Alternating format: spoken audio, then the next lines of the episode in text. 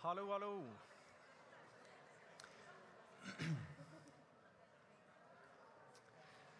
Yes, da begynner vi.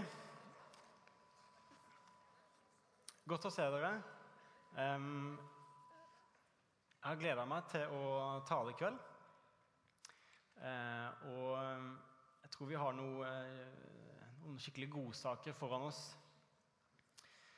Um, mitt navn er Johannes Vårlandsmyr. eh, jobber her i IMI i ungdomsarbeidet og studerer teologi ellers.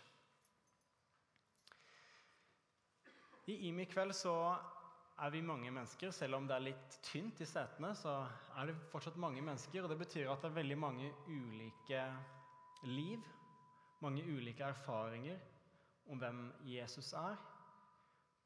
Hvordan man eh, tilnærmer seg han, hvordan man har et forhold til han. Vi har ulike tanker om hvem Gud er, og at det piper mye i mikrofonen. Skal jeg gjøre noe, Steffen?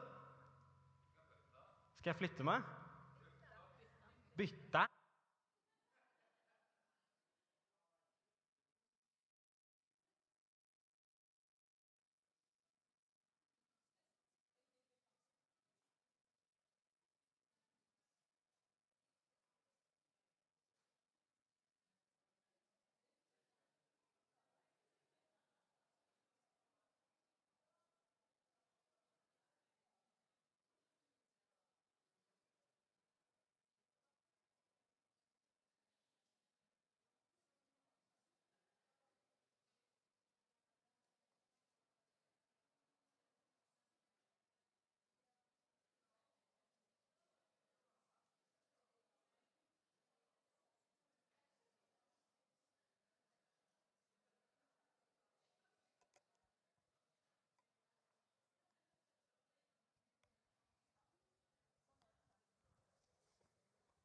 Ja.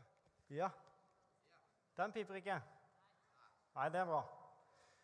Det var jo tidenes beste start på en tale. Ikke sant? Vi prøver igjen. Jo, vi er mange her. Det betyr at vi har mange ulike liv, mange ulike erfaringer. Hvem Gud er, hva kristen tro er. Vi har alle våre liv som, som bærer preg av et møte med en kjerke, med en tro som former oss. Og her i kveld så er det mennesker som har vært kristne i mange år.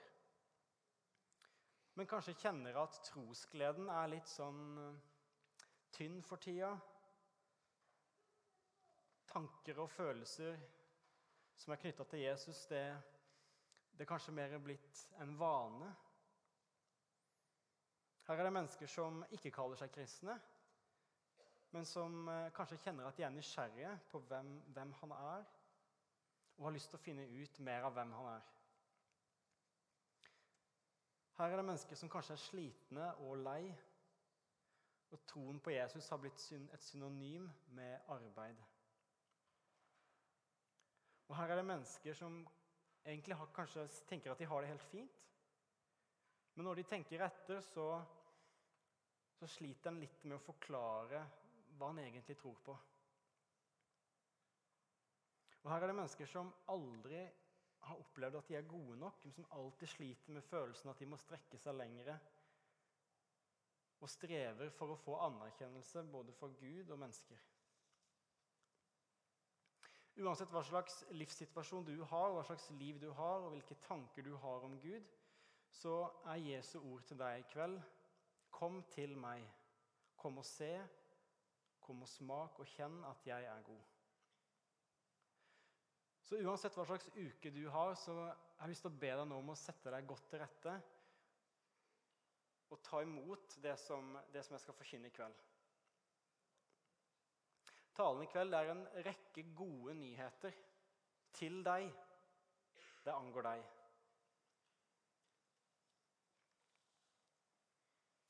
Hvis du skulle ha forklart for en venn eller en kollega hva det kristne budskapet går ut på, hva ville du ha sagt da? Eller hvis vi hadde gått på gata i Stavanger og spurt tilfeldige folk hva vil det si å tro på Gud? Jeg ville kanskje ha svart jeg tro på Gud, det er, um, nei, det er å um, tro at han fins og, og, sånn. Og ja, Men hva er det å være en kristen? Er det, er det også samme som bare å tro på Gud? Hva betyr det når et menneske kaller seg en kristen? Hva, hva legger du i det når du sier det? Og hva mener Kirken, som har sagt dette i 2000 år, invitert mennesker til å bli kristne? Hva har Kirka ment? For ca. ett år siden så spurte jeg en større forsamling um, om noe. Jeg, jeg leste opp um, et sitat, kalte jeg det, og jeg sa at det var henta fra Bibelen. Og så skulle, var spørsmålet mitt ok, hvor er dette henta fra Bibelen. Og da leste jeg For så høyt har Gud elsket verden, for at hver den som tror det, skal ha evig liv. Og så spurte jeg hvor står dette. Og da var det flere. Uh, Johannes 3, 16. Det er den lille Bibelen. Og så sa jeg jeg tror jeg skal lese det en gang til, og så litt sånn sakte. Så leste jeg en gang til litt sakte. For så høyt har Gud elsket verden, for at hver den som tror det, skal ha evig liv.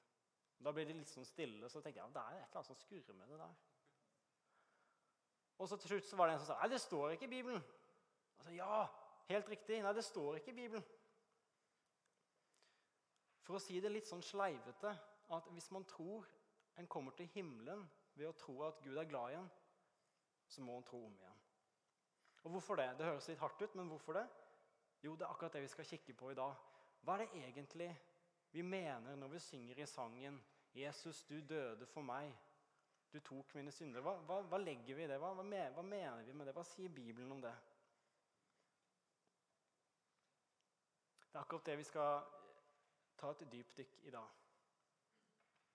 En ting som vi i kirka kanskje er kjent for å snakke mye om, men som i realiteten vi snakker ganske lite om, det er synd.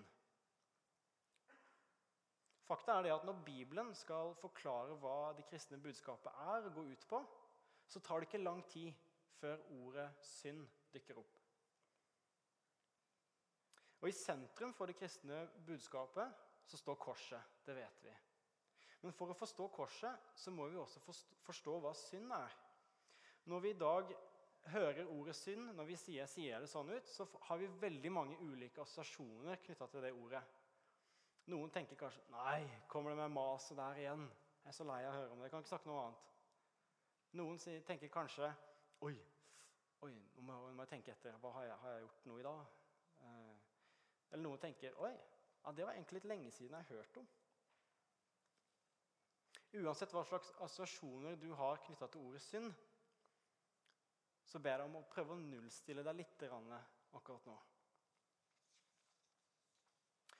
For hva er synd? Hvis det er sånn at vi skal forstå det kristne budskapet, hvis vi, sånn skal forstå hva som skjedde på korset, så må vi forstå hva synd er. Så hva er det? Jo, synd i et nøtteskall, det er å sette seg selv over Gud. Og Dette gjelder på et individuelt plan, altså vi mennesker, enkeltmennesker, og på et allment plan, altså hele menneskeheten, har satt seg selv over Gud og vendt ham ryggen. Hva mener jeg med det? Hvordan kan vi sette oss over Gud? Jo, for hver gang vi lyver eller baktaler eller gjør noen andre vondt eller ikke elsker vår neste, så sier vi egentlig at det du har sagt, Gud, det tror jeg ikke på. Jeg lar det i hvert fall ikke gjelde i livet mitt. Jeg tror jeg vet bedre sjøl. Og Der ser vi hvordan en setter sin egen vurdering høyere enn Gud sin. For alle mennesker har hørt på en eller annen måte Guds stemme inni hjertet når han sier det er galt å lyve, det er galt å dømme andre. Du skal elske de neste høyere enn deg selv. Hver gang vi trosser denne stemmen, så sier vi til Gud Gud, jeg vet bedre. Jeg hører du sier det, men jeg vet bedre. Og Der ser dere hvordan synd er det å sette seg sjøl over Gud. Jeg tror det er sånn at Når Gud skulle skrive de ti bud, så tror jeg han tenkte ok, det første budet der må jeg på en måte, det må være virkelig godt formulert. Eh, der må jeg bare prøve å si egentlig alt med en gang. Hva det handler om, hva jeg, vil, hva jeg har lyst til å si til dem. Og så Jesus bare Hæ? Går det an å si alt i ett bud? Ja, jeg skal prøve. Og Gud han går inn på kontoret sitt, setter seg ved skrivepulten, tenker ok, jeg skal si alt i ett bud. Altså, hva er mitt budskap? Han kommer ut igjen, og så deler han med Helligånd Jesus og sier OK, du skal ikke ha andre guder enn meg. Ja, det var kanskje det var egentlig ganske bra, sier Jesus. Og det går som de har planlagt. Jesus, eh, eller Gud sier til eh, Moses dette er de ti bud, og det første er du skal ikke ha andre guder enn meg. Og Han presiserer til israelittene at dere må ikke lage gudebilder, altså sånne der eh, skulpturer eller statuer, og tilbe det. For det, er ikke Gud. Jeg er Gud. Det er meg dere skal tilbe. Og Det kan virke, kanskje virke som sånn Gud er litt sånn arrogant. Hvordan kan han liksom si 'tilbe meg', 'tilbe meg'? Men han er jo Gud, så det er en del av dealen med å være Gud. At du på en måte Det er liksom deg en skal tilbe. Så Israel, Vi kjenner historien til israelittene. Stadig vekk så satt de seg sjøl over Gud. De, satte, de, de, lagde faktisk statuer og tilba de istedenfor Gud, selv om han hadde sagt det. Vi kjenner historien deres, og jeg tror på en måte så kan vi kjenne oss igjen sjøl òg. Vi skal si det sånn at hva er på tronen? Hva er på kongetronen i ditt liv? Er det deg sjøl? Eller er det jaget etter mer, større, bedre, raskere? La oss spole tilbake til syndefallet og se om det er noe der vi kan lære av hva synd er. Det er et, sånn et gammelt jødisk skrift fra 300-400-tallet før Kristus, der de eh, gir en forklaring på det som skjer i syndefallet. Og De tenkte sånn at før syndefallet så var Adam og Eva bokstavelig talt de var dekka av Guds herlighet. De var, Guds nærvær var over dem. De kledde dem. Og Gud han sa jo det til dem. Dere kan omtrent gjøre hva dere vil, men ikke spise av treet midt i hagen. Da må dere dø. Liten parentes. Hvorfor sa han 'da må dere dø'? Jo, fordi Gud visste det at hvis de mister mitt nærvær, hvis de mister min herlighet, så kan de ikke leve. Derfor sier Bibelen at syndens lønn er døden. Altså konsekvensen av synd er død. Og Poenget til Gud det var ikke akkurat den frukten. Eple eller banan eller ananasen. hva Det var. Det er ikke poenget til Gud. Poenget til Gud er tillit. Har de tillit til meg? Stoler de på meg når jeg sier det? Og når Adam og Eva spiste av frukten, så takka de samtidig nei til et liv i Guds nærhet. De takka nei til et liv dekka av Guds herlighet. Hva skjedde med dem etter de hadde spist? Jo, det står at de følte seg nakne. Husker du det? Jeg har lest historien. Plutselig så skjønte de at de var nakne. Og Det er akkurat som at de, de merker jeg har mista Guds nærvær, jeg har mista Guds herlighet. Jeg føler meg naken. Og Derfor sier Paulus i Romerbrevet 3.23 Paulus sier at alle har syndet og mangler Guds herlighet fra første benk. Det er veldig bra, Geir. Det står det. Alle har syndet og mangler Guds herlighet. Som jeg sa, alle mennesker har en trone i sitt hjerte. En kongetrone. Og når menneskeheten, når Adam og Eva trossa Gud og sa 'Jeg hører du sier det, men jeg tror jeg vet bedre sjøl', så satte de seg sjøl på den tronen. Og det er sånn at vi kan ikke sitte på Guds trone og Guds fang samtidig. Hvis dere forstår det bildet. Før syndefallet så satt de på fanget til Gud. Men vi kan ikke sitte på Guds trone og Guds fang samtidig. Det er litt sånn at Premissen for å ha en relasjon til Gud det er at han må være Gud i den relasjonen, og du må være menneske. Husker dere hva djevelen fristet til meg når de hadde den lille samtalen med Adam Eva, eller Eva hadde en samtale med djevelen? Husker du hva han frista med? Jo, han sa Nei, dere skal ikke dø, men dere skal bli som Gud. Det var det han frista med. Og den fristelsen falt de for. Og menneskeheten har gjort det siden. Med det perspektivet så ser vi hvor alvorlig og graverende synden er. Det er ikke noe vi bare kan si men Nå er det så farlig, det greiene der, da. Fordi at synd er Gud, jeg setter meg sjøl over deg. Der ser vi hvor alvorlig det er. Det er en historie i Gammeltestamentet om, om en mann som heter David. For bare å illustrere dette, David han kjente veldig godt til de ti bud, som, eh, som dere garantert har hørt. Og Det står til og med at David han priste Gud, for han syntes de ti bud var så fantastisk. Han grunna på det i dag og natt, står det. Så han visste, David visste at man skal ikke drepe. David visste at man ikke skal begjære en annen manns kone. Og David visste at han ikke skal bryte ekteskapet.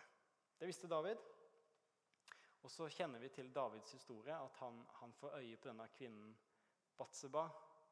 Og han eh, kjenner bare 'Oi, hun må jeg ha.' Så finner han ut at hun er gift med en som er soldat i hæren hans. og Han legger planer, og til slutt så blir han drept. Og han kan få denne her eh, dama.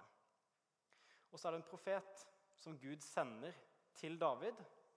Og så sier denne profeten.: Hvorfor har du foraktet Herrens ord og gjort det som er ondt i hans øyne? Du kjenner jo til Guds ord.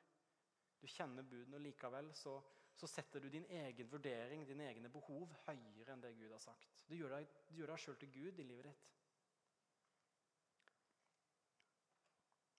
Når det gjelder synd, så er ikke selve handlingen hovedproblemet.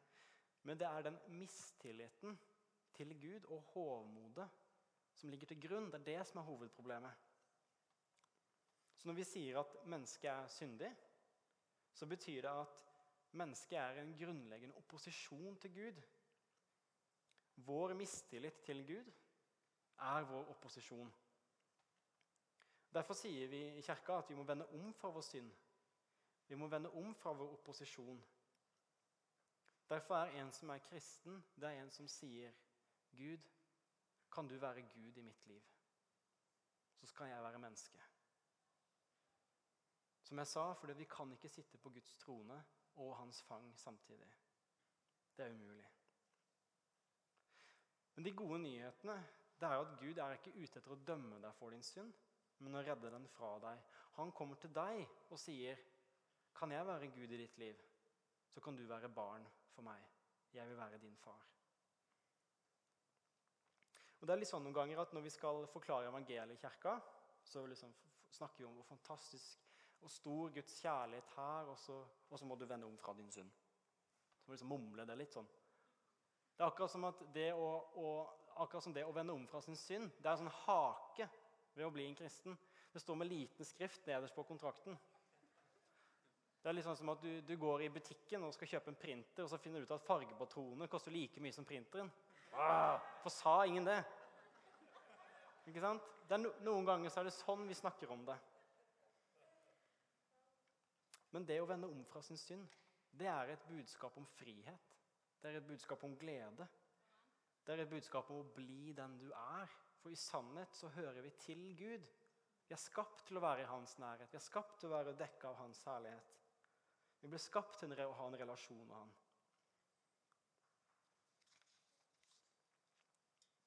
Som jeg sa, synd er ikke først og fremst en enkelthandling, men hjertets innstilling. Enkelthandlingene det er bare simpelthen, frukten av hjertets innstilling. Og Derfor sier Bibelen at 'bevar ditt hjerte framfor alt du bevarer', for livet går ut ifra det. Så hvor dypt stikker synden i oss mennesker? Hvor dypt stikker denne mistilliten til Gud? Dessverre så stikker den veldig dypt. Det går ikke an å si at der er mennesket, der er synden, men det har blitt ett. Det gjennomsyrer hele oss. Og kropp, vår kropp, som en gang skal dø, er det synlige tegnet på at synden Eh, er levende i oss. Og Paulus, den store apostelen, han sa det sånn her. Jeg finner altså at denne loven gjelder. Jeg vil gjøre det gode, men jeg kan ikke annet enn å gjøre det onde. Mitt indre menneske sier med glede ja til Guds lov, men jeg merker en annen lov i lemmene. Den kjemper mot loven i mitt sinn og tar meg til fange under syndens lov, som er i lemmene. Jeg ulykkelige menneske, hvem skal fri meg fra denne dødens kropp? Det høres veldig depressivt ut, men han skriver jo mer seinere, altså. Ved synden så er vår kropp bundet til døden. Det vet vi. Det erfarer vi gang på gang. Men hva er syndens endelige konsekvens? Hva gjør synden? Menneskets mistillit, menneskets hovmod, hva gjør det egentlig? Jo, det skaper avstand til Gud. Den er permanent. Den henger over oss som en avgjort dom. Og syndens endelige konsekvens når alt støvet har lagt seg, så er det en evighet adskilt fra Gud. Det er alvor. Og Paulus han sier i 2. Tessaloniker 1.9 at straffen deres blir en evig fortapelse borte fra Herrens ansikt, fra Hans herlighet og makt. Så synden skaper avstand. Et annet ord for død er avstand. Det har vi erfart. Så sier Bibelen at syndens lønn er døden.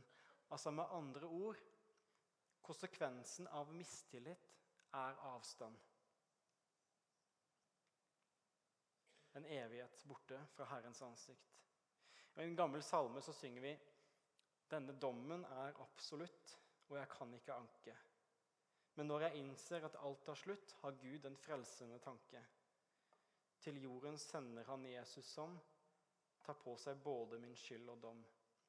Og når han drepes uskyldig, blir min dødsdom ugyldig. Gud han hadde en frelsende tanke, han hadde en plan. Til jorden sender han Jesus, hans egen sønn, fullt Gud, fullt menneske. Han var uten synd, står det. Han hadde ingen mistillit til Gud. Han, var, han hadde Gud som Gud i hans liv. Han stolte på han fullt og helt. Og Guds herlighet dekket ham. Guds nærvær fylte ham. Den herligheten som vi mennesker mista i Edens hage. Det står om Jesus at han var i Guds skikkelse og så det ikke som rov å være Gud lik, men han gav avkall på sitt eget og tok på seg en tjenerskikkelse og ble menneskelik. Da han sto fram som menneske, fornedret han seg selv og ble lydig til døden, ja, døden på korset. Når Jesus Vi sang det i en sang her, at han tok vår synd. Hva mener vi med det? Jo, når Kristus, når Jesus tar på seg vår synd og skyld, så tar han på seg vår opposisjon og mistillit til Gud. Og hvordan lønnen han får, det er døden. Eller avstand. Avstand fra hva? Jo, fra Gud, hans egen far. Det var konsekvensen. Det visste Jesus. Og Derfor sier Jesus på korset, 'Min Gud, min Gud, hvorfor har du forlatt meg?' Der ser vi konsekvensen av synden, avstanden til Gud. Dette var nytt for Jesus, han hadde ikke opplevd det før. Og det er den store smerten til Jesus på korset. Det er ikke naglene, det er ikke piskinga som er Jesus' store smerte men det er når han skjønner at 'min Gud, min Gud, hvorfor har du forlatt meg?' Der tar han syndens lønn. Det står om Jesus i Johannes evangeliet at det står sånn her Ordet ble menneske og tok bolig blant oss. Vi så hans herlighet, en herlighet som den enbårne sønn har fra sin far, full av nåde og sannhet. Johannes evangelisten han sier at han så at Guds herlighet dekket Jesus. Men på korset så mister Jesus Guds nærvær, Guds herlighet. Og han kan ikke leve uten Guds nærvær og herlighet. Derfor roper han, 'Det er fullbrakt', og han ånder ut og dør. Og vi, i dag til og med, Vi blir tilskuere og vitner på at den dommen som egentlig vi fortjente, faller på Jesus. Men hvordan i all verden kan dette stemme? Vi vet at Jesus var tre dager i dødsriket. Hvordan kan det veie opp for en evighet adskilt fra Gud? Så Logisk sett så går det jo ikke opp. Hvorfor stopper jeg opp på dette spørsmålet? Jo, fordi svaret gir oss en større forståelse av hva egentlig Jesus gjorde. For han som er utenfor tid og sted, det vet vi. Gud er utenfor tid og sted. Det er en del av pakka å være Gud. For han så spilte det ikke noen rolle om han var én time i dødsriket eller 10 000 år. For han så var det et evig nu i dødsriket. Et evig nu adskilt fra sin far. Og Da begynner vi å forstå størrelsen av Jesu offer på korset. Da skjønner vi hvorfor han skalv av angst i Getsemane. Han skalv av frykt. Og Derfor roper Paulus i 2. Korinterne 5,20.: La dere forsone med Gud. Han som ikke visste av synd, har han gjort til synd for oss, for at vi i ham skulle få Guds rettferdighet. I påsken for snart 2000 år siden så startet nådens tidsalder. I fotball så sier vi at nå er det et overgangsvindu. altså Nå kan en bytte. Nå er tiden for å la seg forsone med Gud. Nå er tiden for å komme hjem til far. Vi synger i den gamle salmen Tenk, jeg skal ikke dø fordi Jesus døde i stedet. All min dødsangst er nå forbi den er byttet med glede. Dette budskapet er evangeliet. Dette er det Kirken har forkynt i 2000 år. Og i 2000 år så har mennesker kontinuerlig respondert Ja! Hvordan kan jeg bli frelst? Hvordan kan jeg få del i dette? Og det samme skjer i dag. Det skjer kanskje i kveld. Hva sier Jesus til deg nå? Hva sier Jesus til deg i kveld? Jo, han sier, som han sa den gang, sannelig, sannelig, jeg sier deg, den som hører mitt ord og tror på ham som har sendt meg, har evig liv og kommer ikke for dommen, men er gått over fra døden til livet. Og Johannes evangelisten vitner at alle som tok imot ham, dem gav han rett til å bli Guds barn. Tro er nøkkelordet for å bli en del av dette. Men til deg som tenker her inne at tro å, det greiene der har jeg prøvd, jeg får det ikke til. Så har jeg lyst til å si til deg at, at troen den er ikke et svar på et spørsmål. Den er ikke en lære du kan skrive på, på en bo, i en bok eller på et ark. Den er ikke en ideologi som kan forklares Troen er ikke en intellektuell bragd. Troen er hjertets stille tillit til Gud. Troen er tomme hender som tar imot. Troen er tungen som sier, 'Gud, kan jeg være ditt barn?' Oi, pinsevenn. Troen og tilliten til Gud kan vi ikke produsere i egen kraft bare for å ha sagt det. Den skapes av Den hellige ånd i våre hjerter. Derfor kaller vi Den hellige ånd hjelperen. Men vi må la han skape den troa. Og Den hellige ånd han skaper ikke den troa i, i, et vakuum, hvis vi kan kalle det det, men han skaper det ved ordet som forkynnes. I, i Romerne 10 så sier Paulus så kommer da troen av det budskapet en hører. Og budskapet kommer av Kristi ord. Og i kveld så har du hørt budskapet om Kristus og han korsfestet. Dette er historien om Guds grenseløse kjærlighet. Og Når du hører ordene om Jesus, så skaper Gud tro. Og jeg tror Gud gjør det nå, der du sitter, om du har vært kristen lenge, eller om du har vært kristen, ikke er kristen, så har, tror jeg ordene i kveld har gjort noe med deg. For det er ordene om Jesus og han korsfestet. Til deg som, som sitter her, som er kristen, så har jeg lyst til å si at i kveld så inviteres du til å la din tro fornyes og styrkes. Ikke ved at du tar deg sammen og prøver hardere, men at du lar Gud være Gud i ditt liv. Hans stemme sier til deg, 'Kom til meg. Kom og kjenn at jeg er Herren din Gud.' Og her i, i anskuelsen av, av korset og Guds ufattelige nåde, så er det her tilbedelsen og trosgleden fødes. Ser dere det? At når en på en måte minner seg sjøl på det Gud har gjort, hva det egentlig handler om, så kjenner en at trosgleden og tilbedelsen får en ny fart. I salmen så synger vi 'Tenk, jeg skal ikke dø fordi Jesus døde i stedet'. All min dødsangst er nå forbi, den, forbi, den er byttet med glede.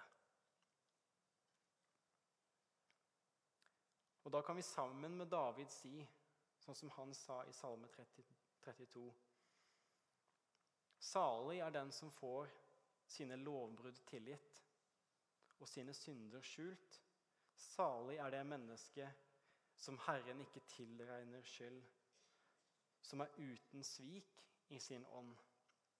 Og Så sier han til, til de rettferdige, som han sier, dere rettferdige, gled dere og juble i Herren. Bryt, bryt ut i fryderop, all, alle oppriktige av hjertet. Til deg som ikke er en kristen, så inviteres du i kveld til å komme hjem. Du inviteres til å bli forsonet med Gud, din far. Å bli en kristen det handler ikke om å, å, ta seg sammen og ta på seg en ekstra byrde eller ta på seg en maske eller bli noe annet enn det du egentlig er. Jesus han sa jo at Kom til meg, alle dere som strever og bærer tungt, og jeg vil gi dere hvile. Ta mitt åk på dere og lær av meg, for jeg er mild og ydmyk av hjerte. Så skal dere finne hvile for deres sjeler, for mitt åk er godt og min byrde lett. Derfor er det å bli en kristen sammenligna med å komme hjem i historien om den bortkomne sønn. Allerede langt bortenfra så, så Gud sønnen, og han løp han i møte. På samme måte så løper Gud oss i møte når han dør på korset. Gud visste ikke hvordan denne redningsplanen om den ville funke eller ikke. Han visste ikke hva menneskets respons var. Bibelen sier at mens vi ennå var syndere, så handla Gud. Han handla ved å sende sin sønn. Han kommer oss i møte.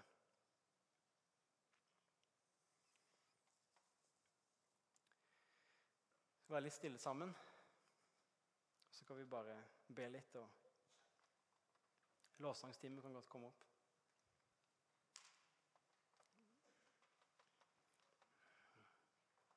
Og kjære Jesus, du ser hver eneste en av oss, og du, du, kjenner hver eneste en av oss, Jesus. Du kjenner våre liv og alt det som det innebærer.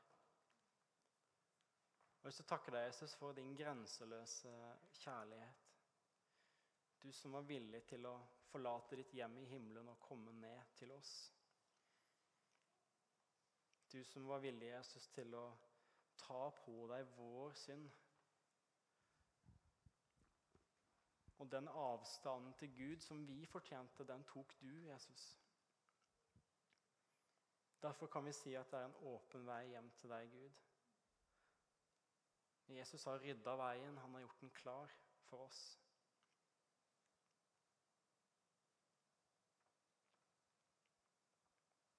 Takk, Jesus, for at du, du gikk hele veien. Du gikk helt til korset. Og når vi ser korset Jesus, så ser vi din enorme kjærlighet for oss mennesker.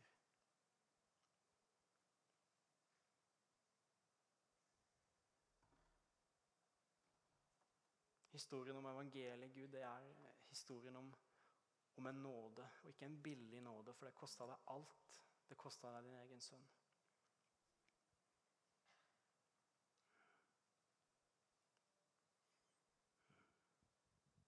Så ber Jesus nå om at du må, at du må forløse trosglede i dette rommet. At du må forløse tilbedelse i dette rommet. fordi at akkurat nå er det som at vi liksom har stått litt på avstand og sett på korset. Sett hva du gjorde, Jesus. Og, og vi blir fylt av undring over at du gjorde det. Og blir fylt av glede over at dette gjør at vi kan komme hjem til Gud.